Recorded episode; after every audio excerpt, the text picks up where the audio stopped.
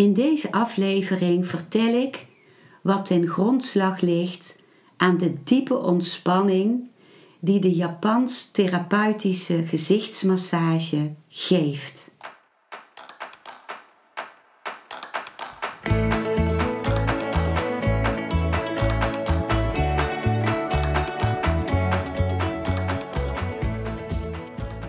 Welkom bij een nieuwe aflevering van Modita's podcast Van Pijn naar Zijn. De podcast waarin ik je meeneem voorbij de pijn in je leven naar wie je diep van binnen bent. Hoe kun je beter omgaan met je gevoelens? Hoe vind je rust in je hoofd? Wat zit er precies achter je pijn? En vooral, hoe kun je steeds meer jezelf zijn? Adem eens diep in en uit. Ik wens je veel luisterplezier.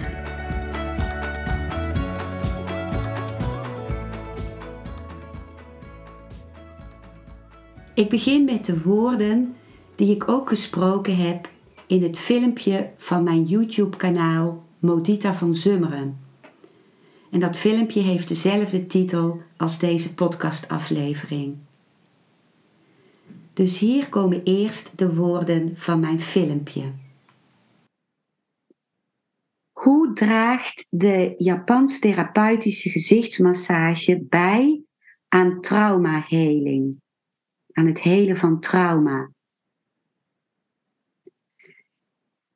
Toen ik jaren geleden, ik geef deze massage nu al jaren, toen ik in India de uh, training deed voor, om deze massage te kunnen geven, was ik verbaasd over de zo diepe ontspanning die deze massage geeft. Op alle niveaus, op zowel het niveau van het lichaam als van de geest, als van het zijn. En ik had dat nog, nog nooit in eerdere massages die ik ontvangen had meegemaakt. En dat is ook iets wat ik terughoor van de mensen aan wie ik de massage geef. En wat ik zie. Er is na de massage zo'n uh, diepe stilte een, een, een stilte die voelbaar is in de hele ruimte en in mezelf. Dat is de ruimte van het zijn. En nu, nu ik de Somatic Experiencing opleiding volg, de trauma helingsopleiding, begrijp ik nog beter hoe deze massagevorm inwerkt op het zenuwstelsel. En daar wil ik in dit filmpje iets over vertellen.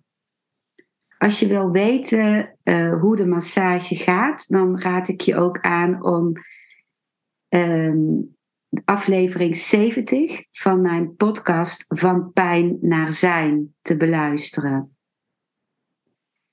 En de link naar mijn podcast vind je in de beschrijving onder dit filmpje.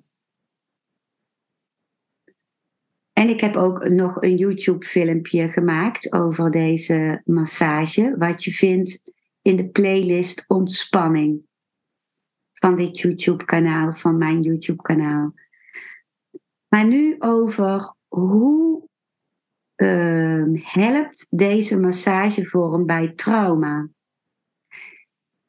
En dat is vanuit verschillende ingangen. Ik begin de massage met een een diepe massage van de nek. En uh, dat heeft als functie dat de doorbloeding van je gezicht verbetert, omdat de bloedvaten, de grote bloedvaten die naar het gezicht lopen, die, gaan, die, komen, die lopen tussen de nekspieren in. Dus als die nekspieren ontspannen zijn, dan kan die bloedstroom heel gemakkelijk naar je hoofd en naar je gezicht gaan. Maar vanuit het perspectief van trauma is je nek ook, een, je nekspieren die zijn dan ook heel belangrijk om je te kunnen oriënteren. als er ergens een prikkel vandaan komt die je niet vertrouwt, en daarmee begint elke traumaprikkel. In de trauma uh, heling gaan we ook terug naar dat eerste moment van waar begon je te voelen, waar te nemen dat er iets niet klopte, dat er een bedreiging aankwam. Omdat dat het moment is dat je nog kunt handelen, dat je nog iets kunt doen. En die, de eerste wat het lichaam doet als er ergens een dreiging vandaan komt, is zich oriënteren. Als je bijvoorbeeld ergens een knal hoort, dan is het eerste wat je wil weten, waar komt die knal vandaan? Waar kan ik het lokaliseren? Dat doe je met je ogen, dus door je ogen te bewegen, maar ook door met je nek te bewegen. Dat zie je ook bij dieren in de jungle.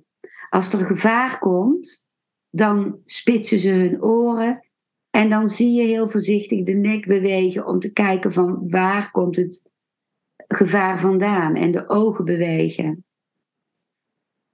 Dus dat is ook waarom, er, waarom onze nekspier, dat is eigenlijk de hele trapezius, de monnikkapspier, die zo gaat en dan ook nog zo naar je rug, dat die zo goed bestuurd wordt door het zenuwstelsel, omdat die zo van levensbelang is om je te kunnen oriënteren. En er zit ook vaak heel veel spanning in de nek. Want heel vaak zijn we ook in zo'n oriëntatiereactie blijven steken in een traumatische situatie. En dat kan een trauma zijn geweest dat zo vroeg is geweest in je leven dat je toen nog niet eens een geheugen had. Dus als je je in dat oriënteren, als je dat niet hebt kunnen afmaken, dan blijf je vastzitten in die oriënteringsimpuls. En de nekspieren worden dan heel gespannen. En als ik de nekspieren aan het uh, masseren ben, en ook masseer ik de hele kleine nekspiertjes net onder de schedelrand, dan stimuleer ik ook de zenuwen die naar dat gebied toe gaan. Dus ik, door het masseren maak ik die uh, reactie van die spieren die er nog steeds is, alsof het gevaar er nog steeds was, maak ik losser. En dat geeft het zenuwstelsel al een signaal van, oh, er is niet zoveel gevaar als ik gedacht had. Dus het zenuwstelsel komt in een kalmere staat. En de zenuw die naar die nekspieren gaat, wordt gestimuleerd. En dat is ook een zenuw die heel belangrijk is bij de activatie van het, wat ik het sociale zenuwstelsel noem. Het zenuwstelsel dat zorgt dat je uh, je kunt verbinden met jezelf, dat je achterover kunt leunen, relaxed. Dat je kunt ontspannen kunt communiceren met anderen, kunt zien wat er om je heen gebeurt op een ontspannen manier. Dus die zenuwen worden gestimuleerd. Dus dat maakt dat de, het eerste deel van de massage, de nekmassage, dat die al een hele diepe ontspanning geeft. En dus een betere doorbloeding van het gezicht. Dan masseer ik mm, het gezicht. Uh, subtiele bewegingen, krachtigere bewegingen. En in het gezicht, het gezicht wordt ook geënerveerd, dus bestuurd door een aantal hersenzenuwen precies die hersenzenuwen die belangrijk zijn bij die activatie van dat sociale zenuwstelsel waar ik het net over had. Dus in feite doet de gezichtsmassage precies dat wat nodig is om jouw fijne, ontspannen sociale zenuwstelsel te activeren. En als dat actief wordt, dan wordt het zenuwstelsel dat zo geactiveerd was in de traumarespons, wordt dan gedempt. Dus in die zin draagt de Japans therapeutische gezichtsmassage bij aan traumaheling. Ook het stimuleren van de acupunctuurpunten, van de energiebanen die in het gezicht eindigen, geeft een hele diepe ontspanning. Niet alleen van het gezicht, maar ook van het hele lichaam. Mensen zeggen: Ik voel het overal in al mijn organen, tot in mijn tenen, tot in mijn benen, tot in mijn bekken. Dat is het effect van het stimuleren van die acupunctuurpunten. Dan kan de energie in die meridianen, in die energiebanen van het lichaam weer gaan stromen. En die diepe ontspanning, die koppelt het lichaam terug naar het alarmsysteem in, ehm, in de amygdala, dat is uh, helemaal binnen in de hersenen, je alarmknop, die aan is blijven staan als je trauma niet hebt verwerkt. En als dat alarmsysteem die ontspanning van het lichaam waarneemt, krijgt het, dan krijgt het in feite het signaal van het is veilig. En dempt het alarmsysteem. En als het alarmsysteem dempt, krijgt ook daarvan jouw hele lijf het signaal van: hey, ik hoef niet meer zo alert te zijn. Ik mag me meer ontspannen. Dus in die zin werkt ook het ontspannen door de gezichtsmassage, door op, uh, op het systeem wat bij trauma overgeactiveerd is gebleven als je het trauma niet verwerkt hebt.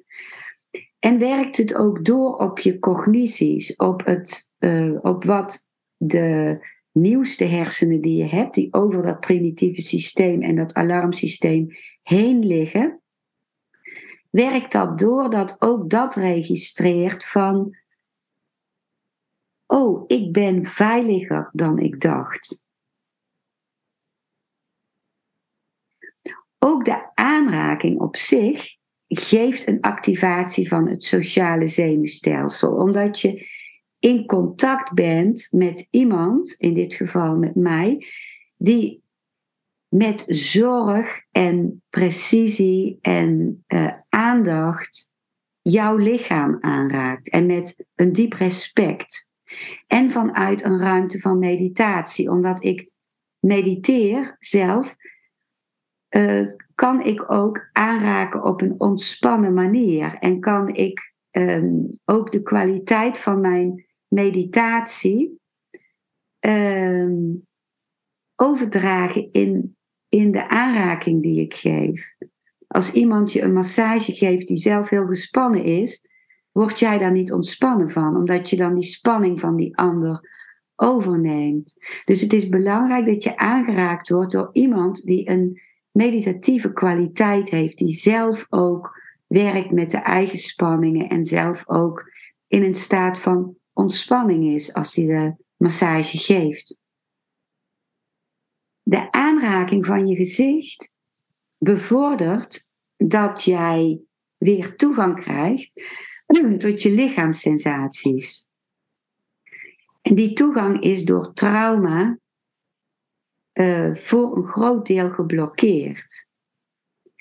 En je gezicht heeft geprojecteerd op de hersenen, waar de gevoelszenuwen eindigen en de informatie aan doorgeven, een heel groot gebied. Dus als je een, een, een lichaam zou zien geprojecteerd op, op dat deel van de hersenen waar de gevoelsinformatie wordt doorgegeven, dan zie je een heel gek poppetje.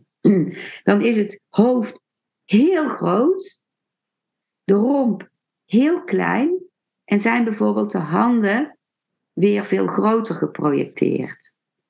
Dus dat komt omdat het belangrijk is voor je overleving dat het gezicht um, heel nauwkeurige informatie doorgeeft aan de hersenen en de handen ook. Maar dat wil ook zeggen dat als jij in het gezicht wordt aangeraakt, dat je dat ook heel groot voelt, heel goed waarneemt. Dus het maakt het makkelijker voor je om die toegang te krijgen tot wat er in jouw lijf gebeurt. En dat helpt om de verbinding te herstellen, die onderbroken was bij trauma, tussen je lichaamssensaties en het denkende deel van je hersenen. En dat geeft een gevoel van controle, van veiligheid, van dingen weer kunnen overzien, van dingen weer in de hand hebben, van weer voelen dat je niet hulpeloos bent, dat je kunt handelen. Dus dat zijn allemaal dingen van de gezichtsmassage die kunnen bijdragen aan traumaheling. Op een hele zachte en vriendelijke manier. Dit waren de woorden van mijn filmpje. Ik heb uitgelegd hoe de Japans therapeutische gezichtsmassage je helpt om los te kunnen laten. En ik deel nu woorden van de Oosterse mysticus Osho over loslaten. Deze woorden zijn terug te vinden in het boek Body-Mind Balancing. Dus hier komen de woorden van Osho. Het is moeilijk om in een toestand te zijn van loslaten, omdat het altijd afgekeurd is als luiheid. Het druiste in tegen de workaholic samenleving. Loslaten betekent dat je op een gezondere manier begint te leven. Je zit niet langer achter geld aan. Je werkt niet aan één stuk door. Je werkt alleen voor je stoffelijke behoeften. Er zijn echter ook spirituele behoeften. Werk is noodzakelijk voor materiële behoeften. Loslaten is een noodzakelijkheid voor spirituele behoeften. Maar het overgrote deel van de mensheid is volkomen afgesneden van enige spirituele groei. Loslaten is een van de prachtigste tijdsbestedingen. Je bestaat eenvoudig. Je doet niets. Je zit stil en het gras groeit vanzelf. Je geniet gewoon van het zingen van de vogels, het groen van de bomen, de multidimensionale psychedelische kleuren van de bloemen. Je hoeft niets te doen om het bestaan te ervaren. Je moet ophouden met doen. Je moet in een absolute toestand zijn van niet bezig zijn, zonder spanningen, zonder zorgen. In deze toestand van kalmte raak je in een zekere afstemming op de muziek die ons omringt. Je wordt je plotseling bewust van de schoonheid van de zon. Er zijn miljoenen mensen die nooit van een zonsondergang hebben genoten. Ze kunnen het zich niet veroorloven. Ze zijn voortdurend bezig met werken en produceren. Niet voor zichzelf, maar voor de slinkse gevestigde belangen. Zij die aan de macht zijn. Zij die in staat zijn menselijke wezens te manipuleren. Natuurlijk leren zij je dat werk iets geweldigs is. Het is in hun belang. En de conditionering is zo sterk geworden dat zelfs jij niet weet waarom je je niet kunt ontspannen. Zelfs op vakantie gaan mensen door met het een of ander te doen. Ze kunnen niet van vrije dagen genieten. Alleen maar ontspannen op het strand, van de zee genieten en van de zo frisse, zilte lucht. Nee, ze doen iets belachelijks. Als ze niets anders te doen hebben, halen ze gewoon de koelkast uit elkaar, die steeds perfect heeft gewerkt. Of ze halen misschien een oude grootvaders-klok in stukken uit elkaar. Een klok die al eeuwenlang functioneert. Ze proberen hem nog te verbeteren. Maar in feite kunnen ze niet stilzitten. Dat is het probleem. Ze moeten iets te doen hebben. Ze moeten ergens heen. Elke vakantie spoeden mensen zich naar kuuroorden, naar zeestranden. Niet om er te rusten. Ze hebben de tijd niet om uit te rusten, want er gaan miljoenen mensen heen. Vakanties zijn de beste tijden om thuis te blijven, omdat de hele stad al naar het strand vertrokken is. Bumper aan bumper rijden de auto's. En tegen de tijd dat ze bij het strand aankomen, is het vol met mensen. Ze kunnen niet eens een klein plekje vinden om te gaan liggen. Ik heb afbeeldingen gezien van stranden. Zelfs de zee zal wel moeten lachen om de stomzinnigheid van deze mensen. Enkele minuten gaan ze liggen en dan hebben ze een ijsje nodig. En ze hebben behoefte aan Coca-Cola. En ze hebben hun draagbare televisies meegenomen. En iedereen luistert naar zijn transistor. En dan is de tijd weer om. En weer is er een marathonrace terug naar huis. Op vakantiedagen gebeuren er meer ongelukken in de wereld dan op enige andere dag. Meer mensen vinden de dood. Meer auto's raken in de kreukels. Vreemd is het wel.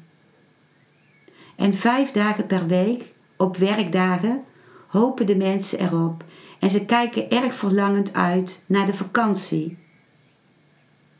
En die twee dagen die het weekend heten, zitten ze gewoon weg te wachten tot hun kantoren en hun fabrieken weer open gaan. De mensen zijn de taal van ontspanning volkomen vergeten. Er is voor gezorgd dat ze die vergeten. Elk kind wordt geboren met een innerlijk vermogen daartoe. Je hoeft het kind niet te leren hoe hij moet ontspannen. Kijk alleen maar eens naar een kind. Het is ontspannen. Het is in een toestand van loslaten. Maar je wilt het niet laten genieten van deze paradijselijke staat. Al gauw ga je het kind beschaving bijbrengen. Ieder kind is primitief, onbeschaafd. En de ouders en de onderwijzers en iedereen zit achter de kinderen aan om ze beschaving bij te brengen, om ze een lid te maken van de samenleving. Niemand staat erbij stil dat de samenleving absoluut ongezond is. Het zal goed zijn als het kind blijft zoals het is en niet langer wordt ingewijd in de samenleving en je zogenaamde beschaving. Maar met al hun goede bedoelingen kunnen de ouders het kind niet aan zichzelf overlaten. Ze moeten hem leren werken. Ze moeten hem leren dat er iets uit zijn handen moet komen. Ze moeten hem leren te wedijveren. Ze moeten hem leren, tenzij je aan de top komt, heb je ons teleurgesteld. Daarom gaat iedereen tot het uiterste om aan de top te komen. Hoe kun je dan ontspannen? Toen er in India voor het eerst spoorwegen werden aangelegd, heb ik een prachtig verhaal gehoord.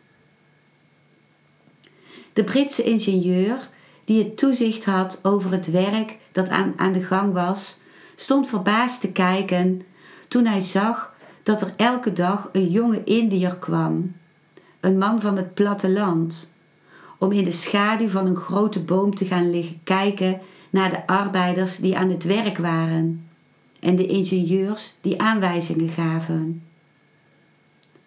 De ingenieur ging zich voor hem interesseren. Een rare kerel. Iedere dag komt hij. Hij brengt zijn eten mee.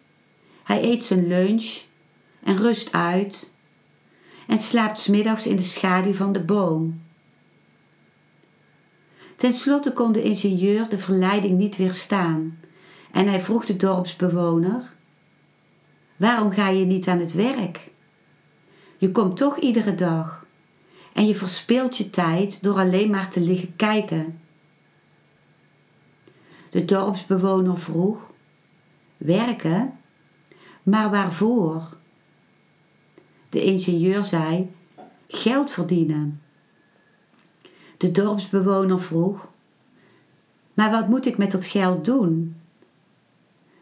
En die ingenieur zei weer: Jij domme gozer, je zou niet weten wat je met dat geld moest doen. Als je geld hebt, kun je lekker ontspannen en ervan genieten. De dorpeling zei: Dat is toch eigenaardig, want ik ben al met ontspanning bezig en ik geniet er al van.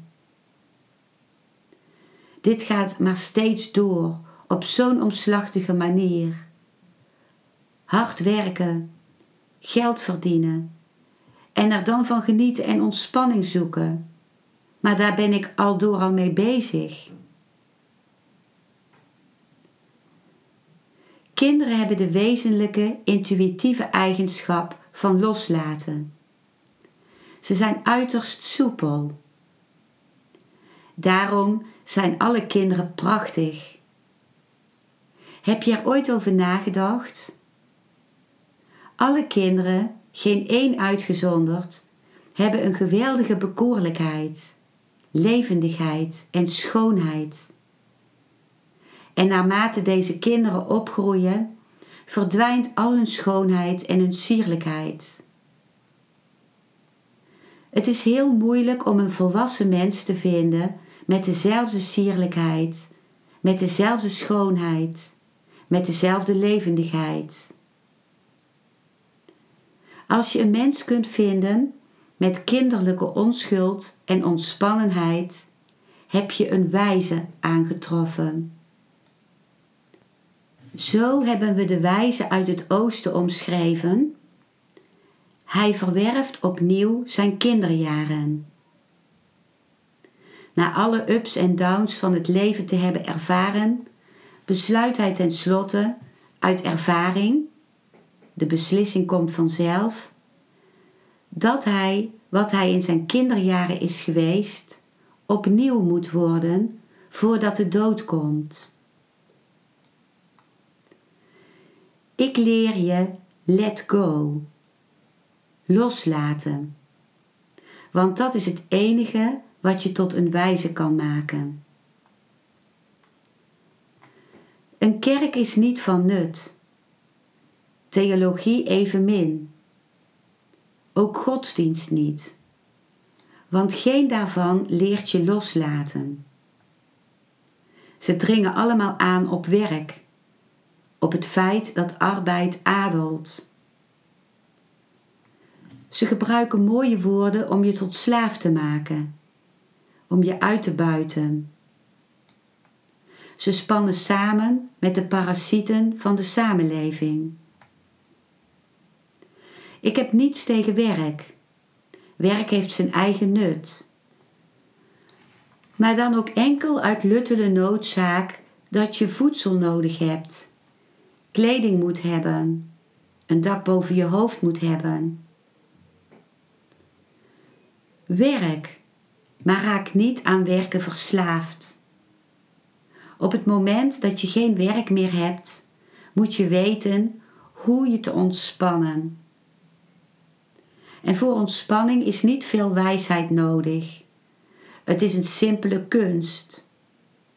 En het is heel simpel, want al direct na je geboorte wist je hoe het moest. De kunst is er al. Ze moet alleen actief gemaakt worden vanuit haar slapende positie. Ze moet worden opgewekt. Alle meditatietechnieken zijn niets anders dan methoden om je de kunst van het loslaten te helpen herinneren. Ik zeg herinneren, omdat je die kunst al verstaat. En je verstaat die nog steeds. Maar die wetenschap is door de samenleving de kop ingedrukt. Eenvoudige beginselen moet je in je gedachten houden. Het lichaam moet het uitgangspunt zijn. Als je in bed ligt, en je ligt elke dag in bed, dus er is niets speciaals voor nodig. Als je in bed ligt, begin dan voordat de slaap komt met gesloten ogen de energie gade te slaan. Vanaf je voeten. Begin daar vandaan. Bekijk het van binnen. Zit er ergens een of andere spanning? In de benen, in de dijbenen, in je maag? Is er enige druk, enige spanning? En als je ergens wat spanning voelt, probeer dat eenvoudigweg te ontspannen. En ga niet bij dat punt vandaan, tenzij je voelt dat de ontspanning gekomen is. Ga door je handen, want je handen zijn je mind. Ze staan in verbinding met je mind. Als je rechterhand gespannen is, is de linkerkant van je hersenen gespannen. Als je linkerhand spanning vertoont, is de rechterkant van je hersenen gespannen. Ga dus eerst door je handen heen. Dat zijn bijna de takken van je mind. En kom dan uiteindelijk bij de mind aan. Wanneer het hele lichaam ontspannen is, is de mind al voor 90% ontspannen. Want je lichaam is niets anders dan een verlengstuk van de mind. Dan die 10% spanning die in je mind zit. Bekijk het eenvoudig. En alleen al door er naar te kijken, verdwijnen de wolken. Het kost je een paar dagen. Het is een handigheid. En het zal de ervaring uit je kindertijd doen herleven, toen je nog zo ontspannen was. Heb je het wel eens bekeken? Kinderen vallen iedere dag om de haverklap, maar ze doen zich geen pijn. Ze breken niets. Dat moet jij eens proberen. Door telkens als het kind valt, zelf ook te vallen. Een psychoanalyticus heeft eens een experiment uitgevoerd.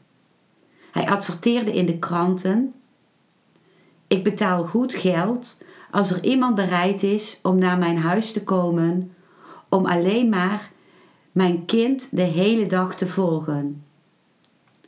Alles wat mijn kind uitvoert, moet jij ook doen.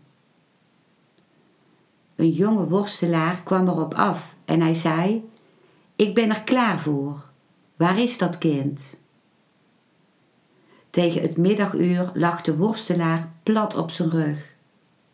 Hij had al twee botbreuken, omdat hij alles wat het kind deed ook had moeten doen. En het kind werd er opgewonden van. Dat is me even gek.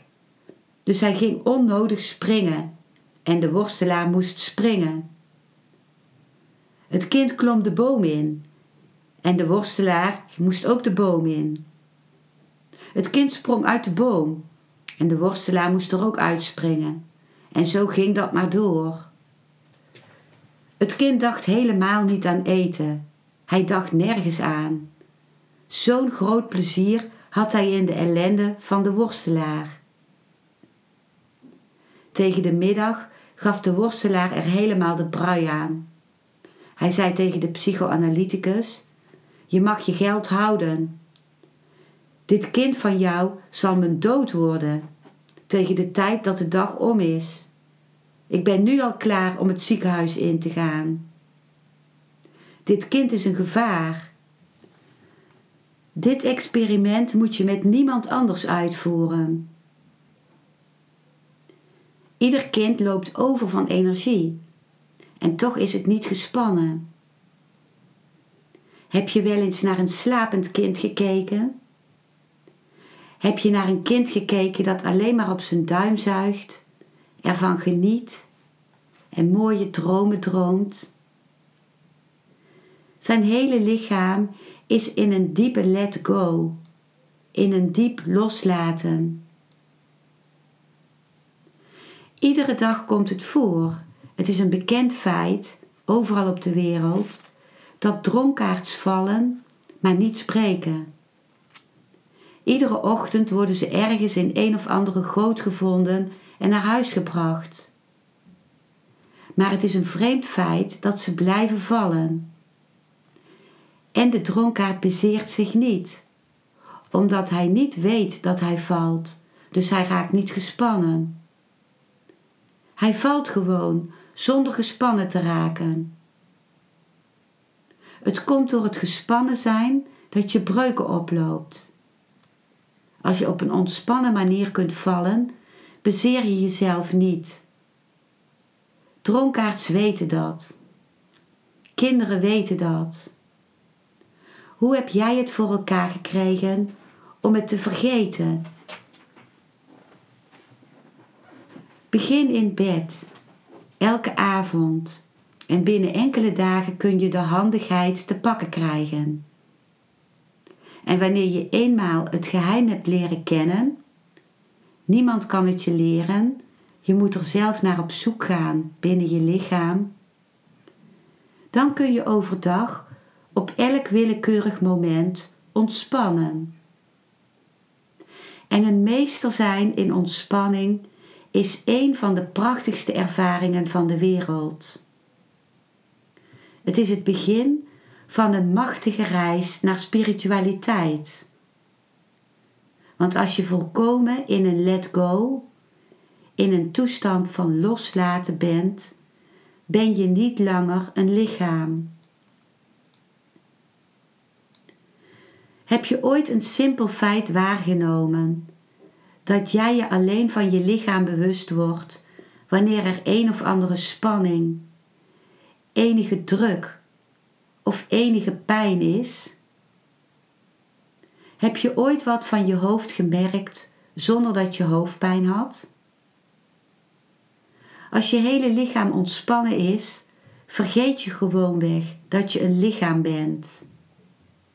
En in die vergetelheid van je lichaam is de herinnering gelegen van een nieuw fenomeen dat verscholen ligt binnen in je lichaam je spirituele wezen. Loslaten is de manier om te beseffen dat je niet het lichaam bent, maar iets eeuwigs, iets onsterfelijks.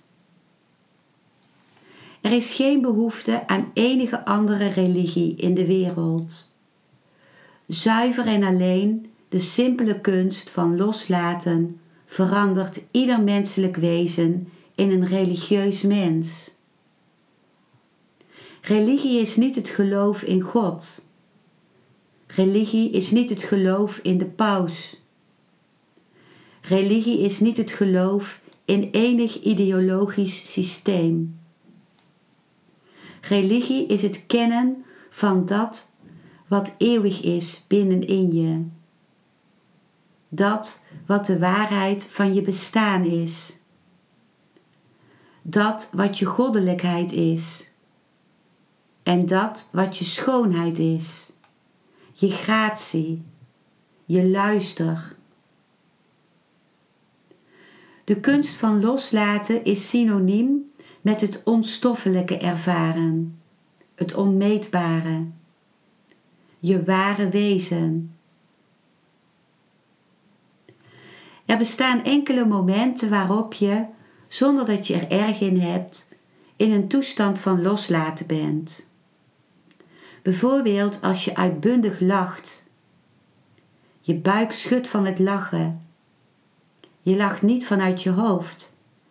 Je lacht vanuit je buik. Dan ben je ontspannen zonder dat je het weet. Je bent in een toestand van loslaten. Daardoor komt het dat lachen zo gezond is. Er is geen ander medicijn dat nuttiger is om welzijn te bereiken. Maar aan het lachen is een eind gemaakt door dezelfde samenzweerders die je bewustzijn van loslaten een halt hebben toegeroepen. De hele mensheid is omgeturnd tot een ernstige psychologische, zieke puinhoop. Heb je een klein kind wel eens horen giechelen? Zijn hele lichaam neemt eraan deel. En als jij lacht, dan is het heel zelden dat je hele lijf lacht. Het is niet meer dan een intellectueel iets. Je houdt je hoofd erbij. Mijn begrip ervan is dat lachen veel belangrijker is dan wat voor gebed ook. Want gebed geeft je geen ontspanning. Integendeel, het maakt je misschien wel meer gespannen. Bij het lachen vergeet je plotseling al je conditionering, alle opleidingen, alle ernst. Eensklaps ben je eruit. Een momentje maar. De volgende keer als je lacht, moet je eens opletten hoe ontspannen je bent. Je moet dus een blik op je leven werpen en nagaan waar je een of andere natuurlijke ervaring van loslaten kunt vinden. Er zijn momenten als je aan het zwemmen bent. Als je een echte zwemmer bent, kun je het klaarspelen alleen maar te drijven, niet te zwemmen. En je ontdekt dan een reusachtig loslaten. Gewoon met de rivier meegaan. Geen enkele beweging maken tegen de stroom in. Een deel worden van de stroom. Je moet ervaringen verzamelen van loslaten vanuit verschillende bronnen. En al gauw heb je het hele geheim in handen. Het is een van de meest elementaire dingen. Het maakt je vrij van de werkverslaving waartoe de omstandigheden in de samenleving je hebben gebracht. Dat wil niet zeggen dat je lui wordt. Integendeel, hoe meer ontspannen je bent, des te krachtiger ben je. Des te meer energie verzamelt zich als je ontspannen bent. Je werk begint een creatieve kwaliteit te krijgen. Geen productie. Wat je ook doet, dat doe je met zo'n totale inzet, met zulke liefde. En je hebt een grandioze energie om het te doen.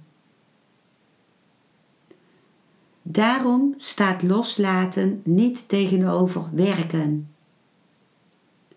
Loslaten transformeert feitelijk werk tot een scheppende ervaring.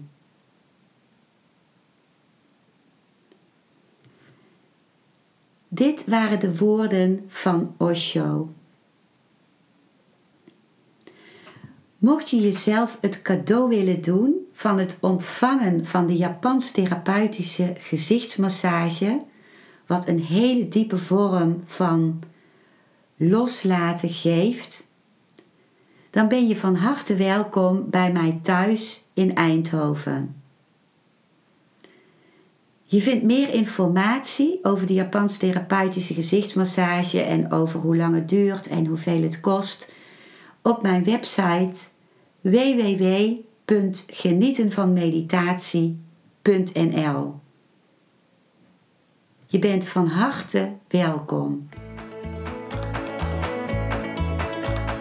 Dankjewel voor het luisteren naar deze aflevering. Ik hoop dat hij je een nieuw inzicht of perspectief heeft gegeven.